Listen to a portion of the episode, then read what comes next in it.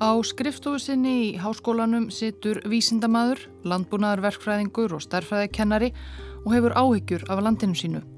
Mikill fjöldi almennings býr við sára fátækt á meðan nokkrir græða stjartfræðilegar upphæðir sumir þeirra á ólöglegu eitulöfja braski.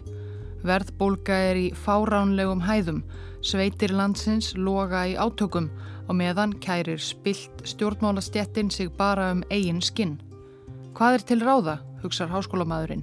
Hver getur bjargað landin okkar? Það er þá sem hugmyndin kviknar. Hvað ef það er bara ég sjálfur sem á að gera það? Einhvern veginn svona lísti Alberto Fujimori því eitt sinn í viðtali hvernig það kom til að hann ákvaða bjóða sér fram til forsetta Peru í fyrsta sinn árið 1990. Þetta er kannski aðeins fært í stílinn hjá Fujimori Hann var ekki bara kennari út í bæ, alls ókunnur þjóðmálum eins og maður gæti haldið, heldur rektor landbúnaðarháskólans í Líma og með eigin umræðu þátt í ríkisjónvarpinu.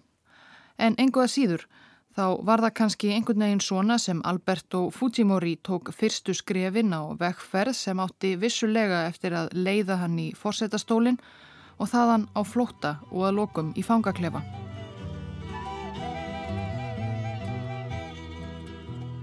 Alberto Fujimori fættist í perúsku höfuborginni Lima 1938. Fujimori er ekki algengt perúst nafn en það höfðu foreldrar hans, Noichi og Mutsue Fujimori, flutt til Perú allarleið frá Japan fjórum árum áður. Á fyrstu áratugum 20. aldar flúðu margir Japanar fátækt í heimalandinu til Suður Ameríku, flestir til Brasilíu en all margir til Perú. Þar var vinnu að fá í sigur og bómullarrekt. Fadir Albertos byrjaði í landbúnaði en flutti svo til borgarinnar og vann fyrir sér sem skrattari og dekjaviðgerðarmaður. Það var oft hart í ári og viðhorf innfættra perumanna ekki alltaf gott í gardi japansku innflytjandana, allra síst í kringum setni heimstyrjöld. Peru var með bandamönnum í liði í stríðinu og þá voru margir japanskir innflytjandur sendir til bandaríkjana þar sem fyrir voru fangabúðir fyrir Japana og japansk ættaða. Fujimori hjónin sluppu þó við það allra versta og þau lögðu áherslu á að börn þeirra ykksúr grasi sem perumenn fyrst og fremst. Næst elsti sonurinn Alberto var skýrður í kathólsku kirkjuna þó foreldrar hans varu bútistar og hann talaði japansku heimafyrir en spænsku í skólanum. Hann laði hartað sér í námi og gekk vel. Eftir mentaskóla lærði hann landbúnaðarverkfræði í háskóla í Líma og að lokinu útskrift þaðan 1961 stundaði hann framhaldsnám í eðlisfræði og starfræði í Fraklandi og Bandaríkunum. Árið 1973 var hann komin aftur heim til Líma og kendi við gamla háskólansinn. Það var þá sem hann kynntist Susunu Higuchi. Eins og hann var hún barn japanskra innflytjanda til Peru. Fadir hennar hafi meiri segja líka stopnað dekjaverstæði en sá business reyndar gengið öllu betur en hjá föður Albertos. Híkutsi fjölskyldan rak eitt aðal dekjaverstaði borgarinnar og þangað kom Alberto eitt sinn með dekk og rakst á súsunum. Hún var 12 árum yngri en hann fætt 1950, mentuð í verkfræði. Þau fældu hugið saman og giftu sig eftir fjögura mánaða kynni. Fyrsta barnið, dóttirinn Keiko, fættist 1975 og þrjú börn til viðbótar fyldu. Á meðan fjölskyldan stækkaði náði Alberto Fujimori svo frama innan akademíunar. 1984 var hann orðin rektor landbúnaðarháskólans í Líma og nokkrum árum síðar formaður félags háskólarektora.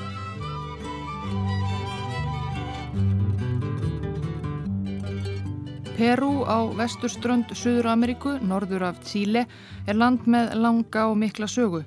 Það var vakka veldi sinna frægu ynga, alltar til spænskir konkvistadorar brutuðað undir sig á 16. öld. Peru fekk svo sjálfstæði 1879. Þegar Alberto Fujimori var að vaksa úr grasi og stopna fjölskyldu, enkendu sviftingar perúsk stjórnmál, deilur á milli borgaralegra stjórnmálabla og hersins sem eins og í fleiri löndum Rómönsku Ameríku var síu ægi að taka völdin. 1980 let einn herfóringastjórnina völdum og líðræði var komið á að nýjum, en það gekk allt á afturfótunum. Efnahags vandamál sem vissulega hafðu lengi plagað Peru urðu verri og verri, verðbólka jógst og fátækt sömuleiðis. Marxískir skæruleðahópar fóruð að valda óskunda og blóðsútellingum. Hóparnir skutu upp kollinum og fundu stuðning í hálendum sveitum Peru þar sem fátækur almenningur, afkomendur, Inga og Indiána frumbyggja Peru byggu og hafðu það yfirleitt miklu verra en hvita elitan í borgum og strandhjörðum afkomendur spænsku landnemanna.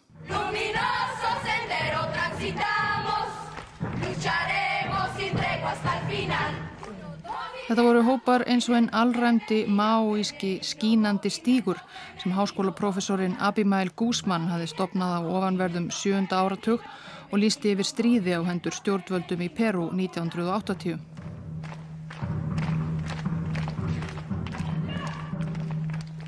Skínandi stígur stundaði sveitahernað að hætti Mao Zedong í hlýðum Andesfjalla og áfann sér bæði stuðningsmenn meðal fátækra sveitamanna og sumleðis óvinni fyrir blóðþorsta og grimd. Transmite Radio 4 de noviembre. La voz del movimiento revolucionario Tupac Amaru. Annar þyrnir í augum yfirvalda var MRTA, byltingarhefing Tupac Amaru, sem var nefnd eftir perúskum indjána sem leiti áranguslausa en djarfa uppreist gegn spánverjum í Perú á ofanverðri átjóndöld og galt fyrir með lífi sínu. Tupac Amaru hreyfingin skaut upp kollinum 1982, hreyfingin stundaði banka og mannrán, gíslatökur og álika í þáu byltingarinnar.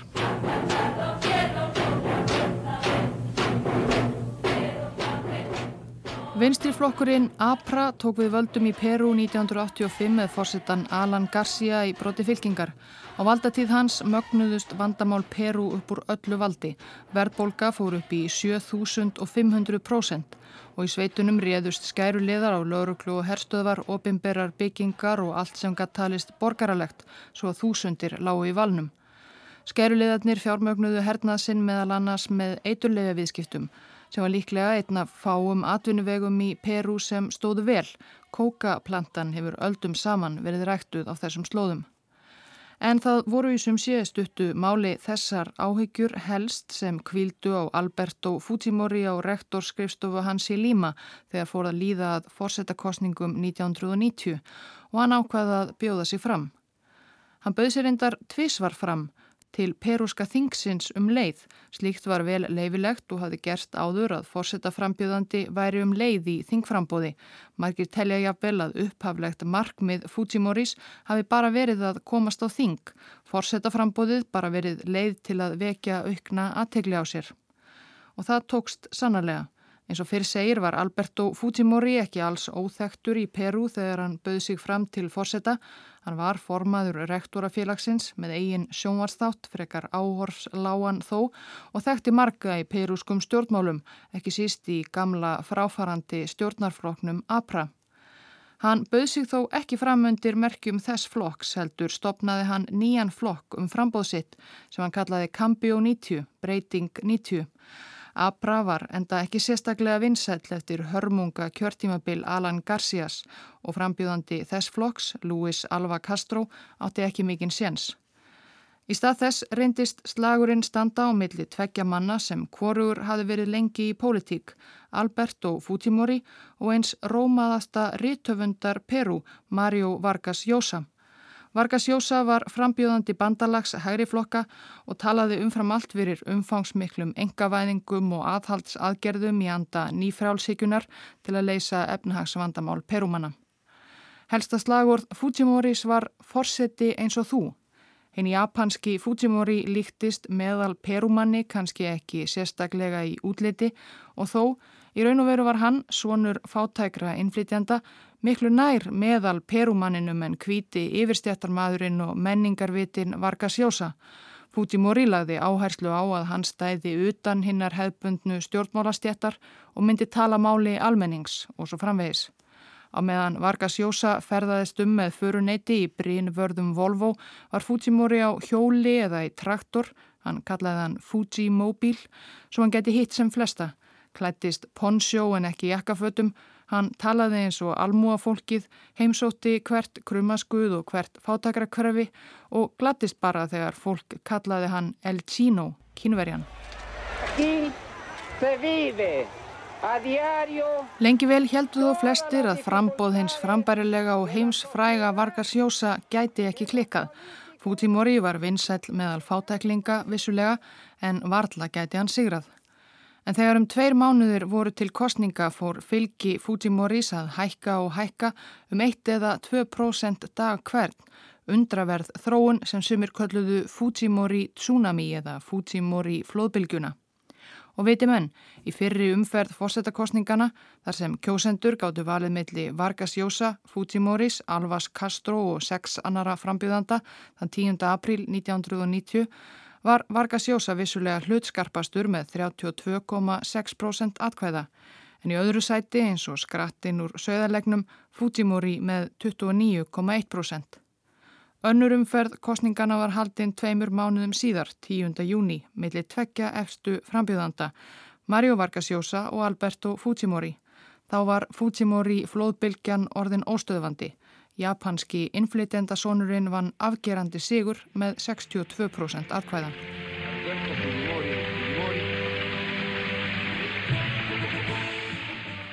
Svo að inn í hýbíli fórseta Peru í stjórnarhöllinni í miðborg Lima flutti Alberto Fujimori, kona hans Susana Higuchi og fjögur börn, dæturnar Keiko og Sachi, 15 og 11 ára og sínirnir Hiro og Kenji, 14 og 10 ára.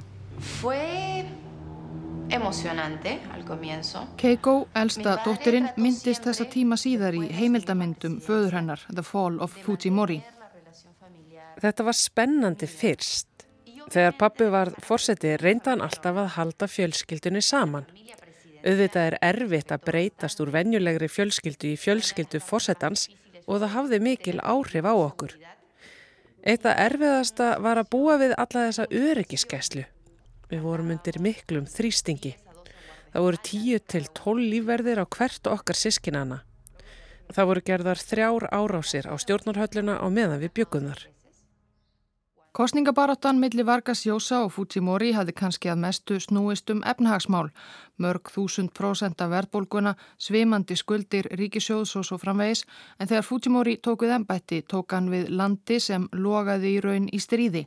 Þúsundir höfðu fallið í baróttu yfirvalda við skæruleiða skínandi stíks, MRTA og fleiri fylkinga og herskáur hópar gerðu reglulega sprengju og skotárásir í borgum Peru, þar á meðal á stjórnarbyggingar. Tilraunir fyrri stjórnvalda til að ráða niðurlögum skæruleðana hafði engan árangur borðið.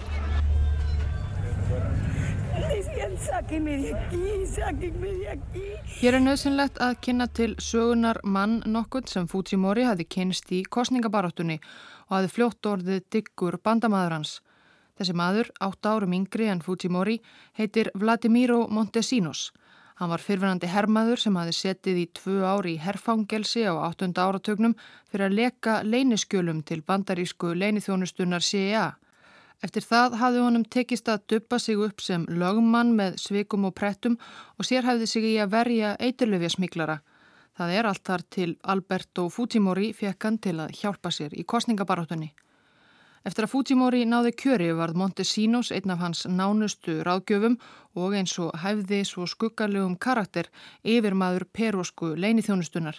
En í raun og veru er talið að völd Montesinos hafi mjög fljótt farið að tegja sig all mikið út fyrir bara leinithjónustuna. Hann hafði ekki bara eira fórsetans, heldur einnig ítök í hernum, í fjölmiðlum, í stjórnmálaflokkum, allstæðar og hann sveifst einskist til að ná fram stefnumálum fórsetans eða eins og perúskir bladamenn orðuðu það síðar Montesinos sáum skítverkin og þau eruðu fljótt mjög skítug. Kvöldið 3. november 1991 reyðust sex þungvopnaðir og grímuklættir mennin í gamalt íbúðarhús í hverfinu Barrios Altos, miðsvæðis í Líma.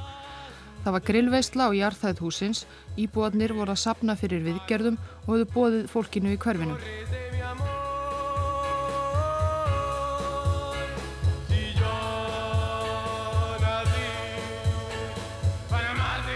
Þeir grímuklættu munduðu bissurnar og skipuðu öllum glöðum veislugestum að færa sig upp að vegg. Þessi vitnisspörður er úr bandarísku leinithjónustu skjali.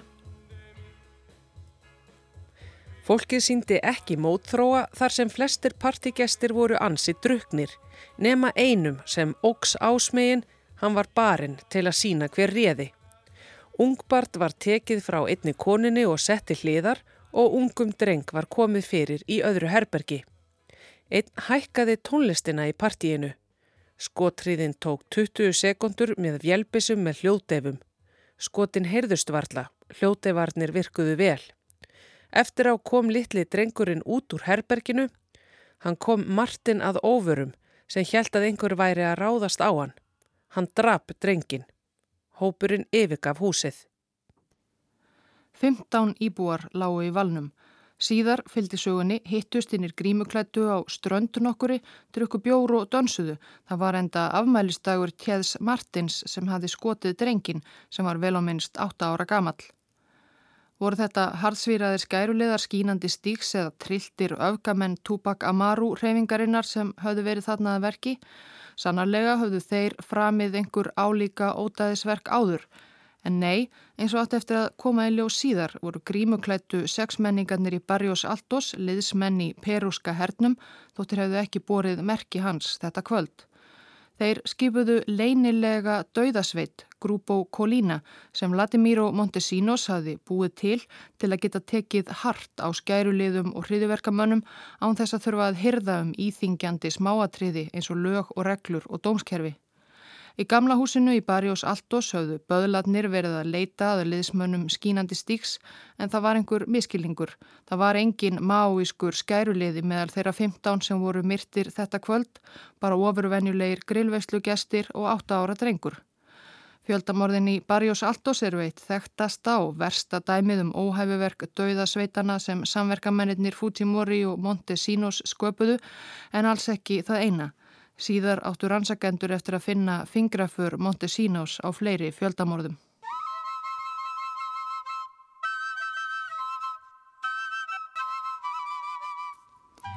Í kostningabarátunni hafði Alberto Fujimori talað ötulega gegn stefnumálum andstæðingsins, niður skurði og engavæðingum nýfrálsíkju hægrimannsins Mario Vargas Llosa. En þegar Fujimori komst svo í stjórnarhöllina tók hann til við að efna flest lofvorð Vargas Llosa og gott betur. Rótæk efnahagstefna hans var kölluð Fuji Shock. Perúskir gárungar höfðu eins og hlustendur hafa kannski tekið eftir einstaklega gaman af því að nota nafn fórsetans til að búa til ímiskonar nýjirði. Í stuttumáli fyldi Fujimori að mestu stefnu þeirri sem alþjóða gældir í sjóðurinn hafi mótað fyrir lönd eins og Peru sem börðust í bökkum skulda og verðbolgu. Hann skar niður hjá hennu opimbera, dróur niðurgreðslum og höftum og engavætti mörg hundruð ríkisfyrirtæki og eigur. Hann tók upp nýjan gjaldmiðil, Nuevo Sol, í stað hins verðlösa Indís sem var áður. Þetta bar árangur fyrstum sinn. Verðbolgan lækkaði ört og efnahagurinn ógs. Fujimori passaði upp á að hækka lámaslaun svo að jafnvel þeir fátækustu nutu einhvers góðs af.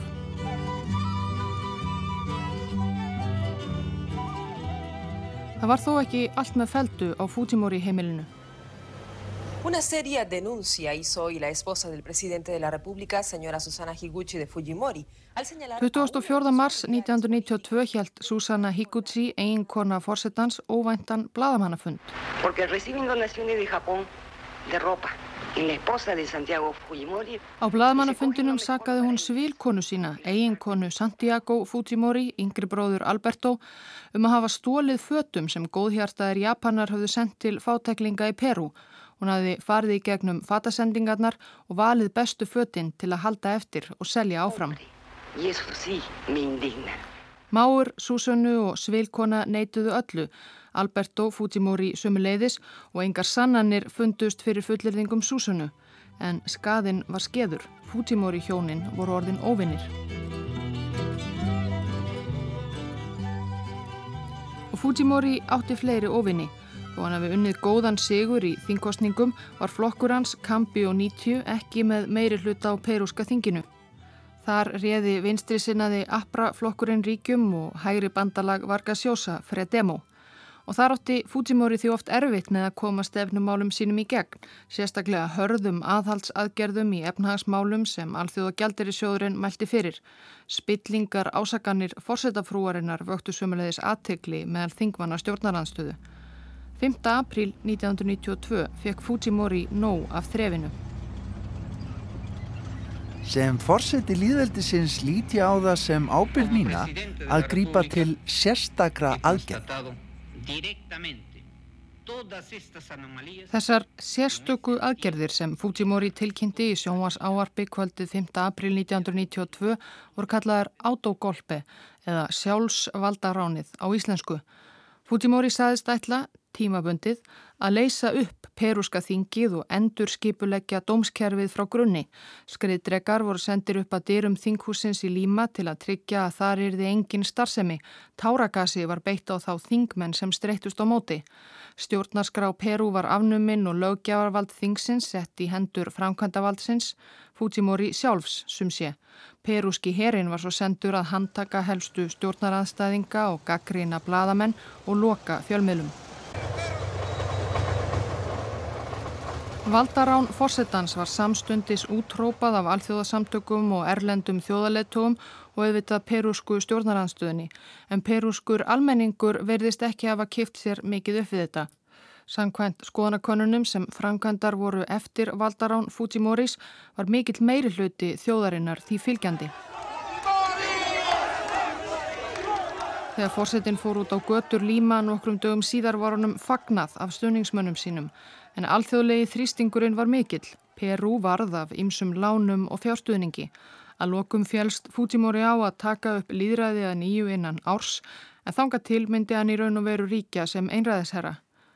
Meðal þess sem Fujimori notaði einræðisvald sitt í var að setja neyðarlög sem veitti perúska hernum umfangsmikil aukin völd til að eins og hann orðaði það auðvelda hernum að berjast við hriðiverkamenn skínandi stíks og Tupac Amaru með járn nefa.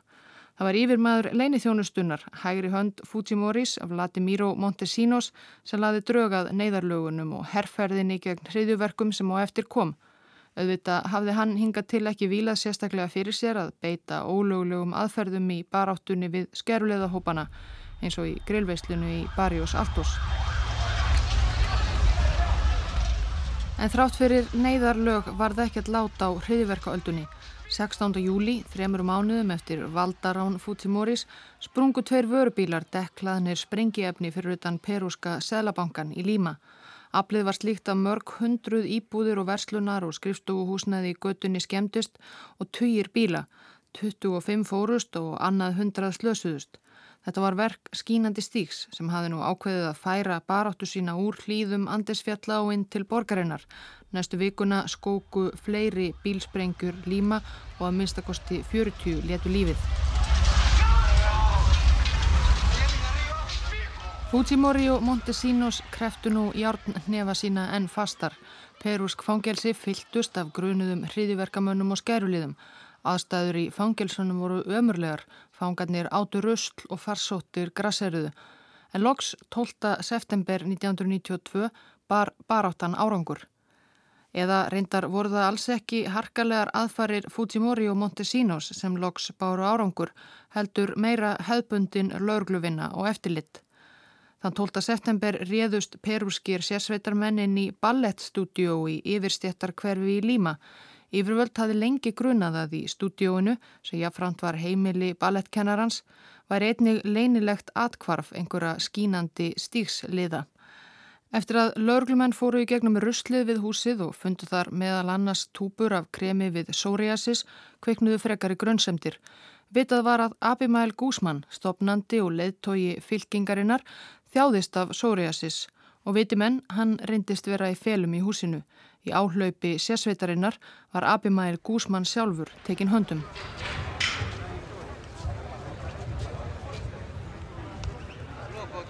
Á frettamyndum eftir handtökuna má sjá Gúsmann spíkspora bálreiðaninn í stóru búri eins og dýragarstýr í klættan svartkvítum röndóttum fangabúningi eins og við þekkjum helst úr teiknumyndasögum. Búningar í perúskum fangelsum voru alls ekki röndóttir að jafnaði en það hlakkaði svo mjög í Fujimori að hafa náð höfuð óvinni sínum að hann ákvaða að skella honum í slíkan búning svo það færi ekki á milli mála að Abimæl Gúsmann væri nú fangi hans. Fujimori lísti yfir sigri. Se ha dado un paso importantísimo en esta lucha contra el terrorismo Fujimori stóð að lokum við lofur sitt um að koma á líðræðið að nýju Að vísu þegar búið var að samþykja nýja stjórnarskrá sem var honum betur að skapi en svo gamla.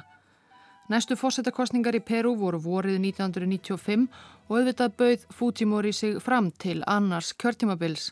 Hann stóð vel að víi, efnahárin að tekið stakkaskiptum frá því þegar verst var á nýjönda áratögnum og baráttan gegn hriðiverkum sömur leiðis borið árangur.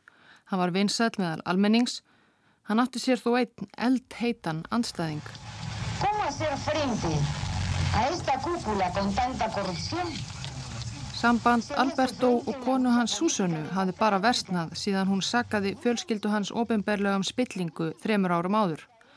Frá því um miðbygg ársins 1994 hafði Súsanna háð ofinbera baróttu gegn manni sínum í fjölmiðlum, sakkaði hann um spillingu, einræðistilburði og ótal glæpi, framhjáhald og fleira.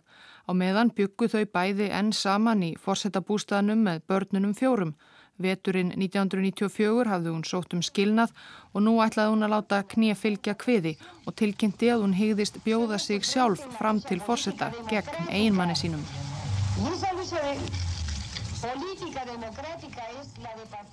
Það kom enn fyrir að öll fjölskyldan settist niður að kvöldverðarborðinu í stjórnarhöllinni í Líma þó það megi hugsa sér að stemmingin þar hafi verið ansi styrð. Well, it was very uncomfortable to have uh, my wife running without... Það var mjög óþægilegt að eiginkona mín bauð sig fram án minnar vittnesku. Hún vildi komast í fréttinnar. Hún trúði því að hún gæti orðið forseti. Hún! Hún bjó enn í höllinni, við borðuðum saman, af og til. Þetta var absúrt.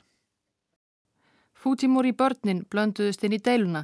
Í sjónvarsviðtali hvati elsta dótturinn Keiko þá tæplega tvítug móður sína til að hugsa um afleiðingarnar fyrir fjölskylduna áður en hún tæki nokkrar ákvarðanir í fljótfærni eins og að bjóða sig fram til fórsetta, meint hún. Keiko myndist þessa tímabils í viðtali síðar. Fueron momentos muy duros, eh, sobre todo para los hijos. Þetta var erfiður tími, sérstaklega fyrir okkur börnin því þetta var svo opinber skilnaður og það er ekkert mjög auðvelt að horfa upp á foreldra sína deila í fjölmiðlum. Áður en skilnaðurinn gekk formlega í gegn tilkynnti Alberto Fujimori fórseti það ofinberlega í fjölmiðlum að hér eftir væri fórseta frú Peru ekki Susanna Higuchi eins og verið hafði undan farin fjögur ár heldur tvítug dóttir hans Keiko Hún var kolluð heim úr námi í bandaríkunum til að taka að sér hefbundin störf fórsetafrúar að koma fram við hlið fórsetans föðurennar. Síðan var að sjálfsögðu komið í vekk fyrir að Súsanna geti bóðið sig fram til fórseta. Einmaður hennar fyrverandi létt þingið setja sérstök lög sem bönnuðu nánum ættingum fórseta Peru að bjóða sig fram í þing eða fórsetakostningum. Engum duldist við hvaða náinn ættingja sérstaklega var átt og lögin því jafnan kölluð Súsönnulögin. Af öðrum frambjóðundum hafði Fujimori ekki sérstakar áhyggjur en það rústaði hann fórsetakostningunum 95 en næri 65% atkvæða. Annar nafntogaður perumadur, fyrirverandi aðalrítari saminuðu þjóðana Javier Pérez de Cuellar átti ekki róðu við kínverjanum eins og peruskur almenningur kallaði enn fórseta sinn. Efnahagurinn var betri, skínandi stígur hafði ekki verið svipur hjá sjón síðan leittóinn Gúsmann komst bak við lás og slá. En næsta kjörtímabil er þið þó alls ekki bara leikurreitn fyrir Fujimori. Það var til að mynda og eins og við höfum heyrt ekki bara skínandi stígur sem herjaði gegn perúskum yfirvöldum á þessum tíma.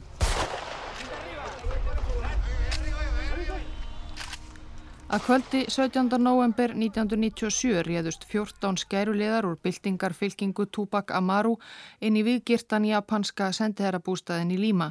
Þar var móttaka í tílefni afmælis Akihito japanskeisara og viðstattur fjöldi fyrirmenna og stjórnmála og viðskiptalífi og herr auk diplomata og japanskara gesta. Meðal japansku gestana var meðal annars móðir fósittans Mutsue Fujimori og fleiri ættingar. Skæruleðarnir yfirbuguðu verði sendiráðsins og tóku veislugesti, þeir voru mörg hundruð, í gíslingu.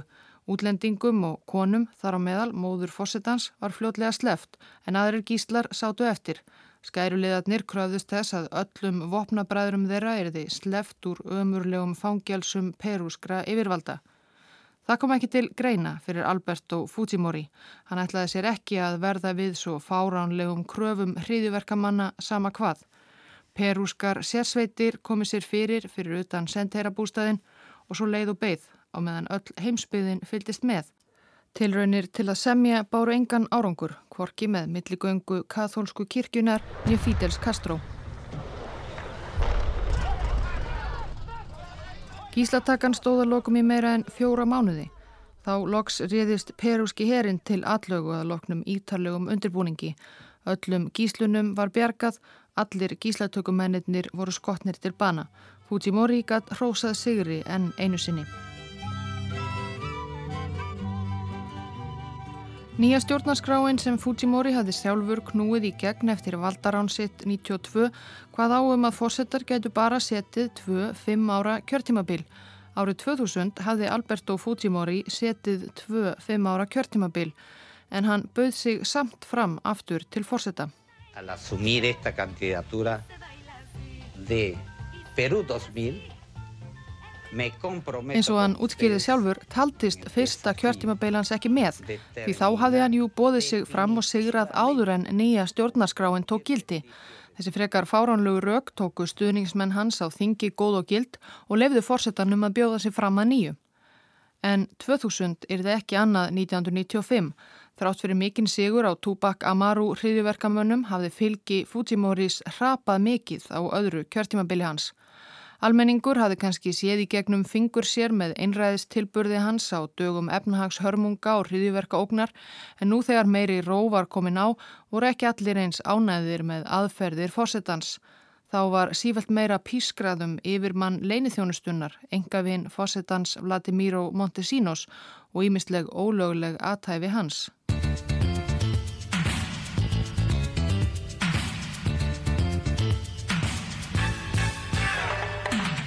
Aðal mótframbjóðandi Fujimori árið 2000 var hagfræðingur að nafni Alejandro Toledo. Hann stemdi að því að verða fyrsti fórseti Peru sem var í alvörunni af indjánaættum eins og Þorri landsmanna hafði það fram yfir Fujimori sem sé.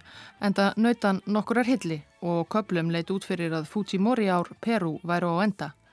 En svo rann upp kjördagur fyrir umferð fórsetakostningana 9. apríl og Fujimori fekk 49,89% atkvæða, hefði aðeins þurft 20.000 atkvæði til viðbótar til að fá hreinan meiri hluta og komast hjá annari um ferðmiðli hans og næstamanns, Alejandro Toledo. Alþjóðlegir eftirlitsmenn tókur reyndar eftir ímislegu mísjöfnu við framkvæmt kostningana, en ekkert var að gert og setni um ferð fór fram í lok mæ. Þá fekk Fujimori 51,20% atkvæða en Toledo aðeins 17,68. Ástæðan var að Toledo hafi kvart stuðningsmenn sína til að skila auðu eða ógildu og það gerðu heil 31,12%.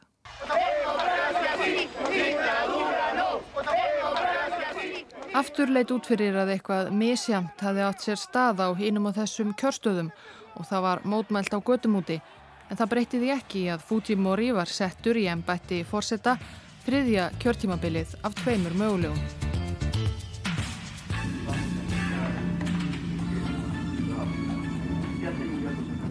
14. september árið 2000 byrti perúsk sjónvarstöð myndbandsupptöku eða nokkrar myndbandsupptökur urðu þær. Flestar síndu þær frekar döflega drappleitaða stofu með brúnum leðursofasettum þar sem jakkafattaklættir menn sátu og töluðu. Einn af mönnunum í öllum upptökunum var hinn skuggalegi ráðkjafi Alberto Fujimori Forsetta og yfirmaður perúsku leinithjónustunnar Vladimiro Montesinos og í myndbands upptökunum voru einmitt skuggalegi hlutir að eiga sér stað. Í fyrstu upptökunni sást hann bjóða þingmanni stjórnaranstöðu peninga fyrir að styðja Fujimori Forsetta og svo framvegis. Vladimiro-vídjóin öllu stórskandal í perúsku samfélagi Vídeóinn og svo frekari rannsóknir leittu í ljós að Vladimiro Montesinos hafði ekki bara stjórnað dauðasveitum gegn skæruliðum og mútað þingmönnum, heldur hafði hann látið lauruglu og hermenn ofsækja anstæðinga skjólstæðings síns Fujimoris, hann hafði mútað og hótað fjölmiðlafólki og átt í vafasömu braski við eiturlifi og vopnasmiklara árum saman á fórsetatíð Fujimoris. Ég vil látið ráða pólitíska anstæðinga fórsetans af dögum eða gert tilraunir til þess. Snemma á fórsetatíð Fujimoris sprakk sprengja fyrir utan heimili stjórnarandstöðu Þingmanns Fernando Oliveira sem hafi verið Fujimori erfiður. Hann var ekki heima og skínandi stígu var kent um ódæðið en í bandarísku leinithjónustu skjali var sökinni skellt á Montesinos. Samkvæmt heimildamanni okkar saði Montesinos Fujimori að hafa yngar áökjur. Hann hefði gengið frá Oliviera. Við sendum honum litla sprengju, mun Montesinos hafa sagt Fujimori. Samkvæmt heimildamannum snýri Fujimori sér þá nokkuð órólegur að Montesinos og saðist ekkert vilja vita af svoleiðis hlutum.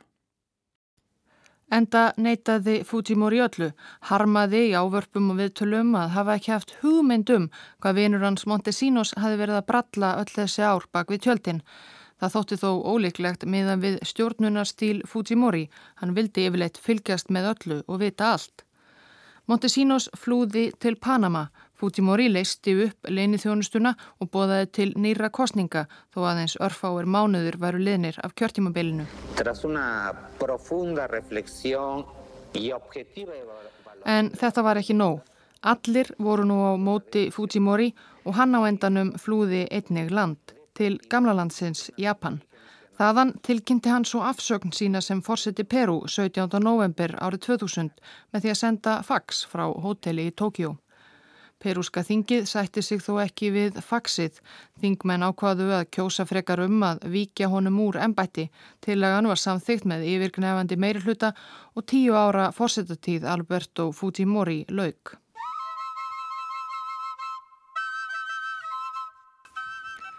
Alejandro Toledo, andstæðingurinn úr fórsetakostningunum fyrir á árinu, tók við fórsetæmbættinu og varð þar með fyrsti indjáninn á fórsetastóli í Peru. Hann óst handa við að rannsaka glæpi forvera síns og manna hans, efnahagsglæpi og spillingu og mannrettindabrótt. Á meðan kom Fujimori sér fyrir í Japan. Þar átti hann sér fjölmarka aðdáendur, jáfnvel japanska stjórnmálamenn sem skutu yfir hans skjólshúsi.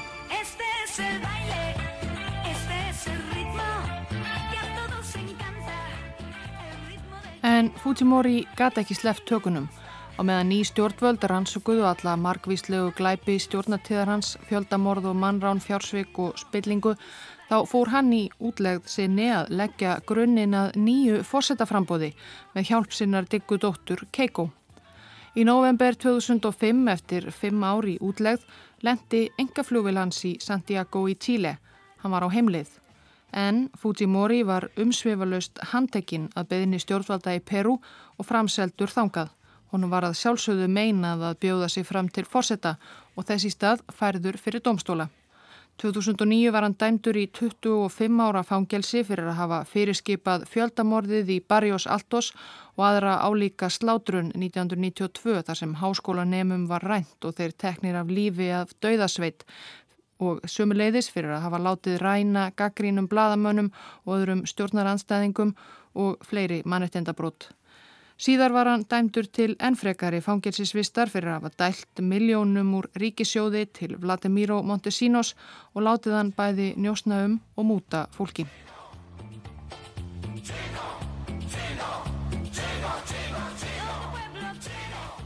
Keiko Fujimori er í dag ein af mest áberandi stjórnmálamönnum Peru.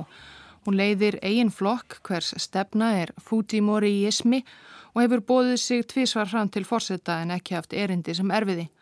Sónurinn Kenji Fujimori er líka í pólitík og var lengi í flokki sístur sinnar en eins og var með hjónaband foreldar þeirra eru þau sískinin ekki alltaf sammála og hafa deilt ofinberlega. Meðal annars þegar Keiko reyndi að steipa forsetanum Petro Pablo Kuczynski, anstæðingi hennar, í áslokk 2017 eftir að spillingar ásakanir voru gerðar á hendur honum. Þá steg Kenji bróðir út af flokkslínunni og mútaði nokkrum flokksfélögum sínum, þetta náðist líka á myndbandsupptökur, til að styðja frekar Kuczynski og forsetin slapp með skrekkin. Hvers vegna? Jú, Kenji hafði samið um það við Kuczynski að hann myndi í staðin náða aldraðan föður hans. Alberto Fujimori var því látin lausur fangelsi á aðfangadag 2017, 79 ára og veikur af krabbamenni. Sápu óperan Fujimori fjölskyldan heldur Peru áfram í heljar greipum.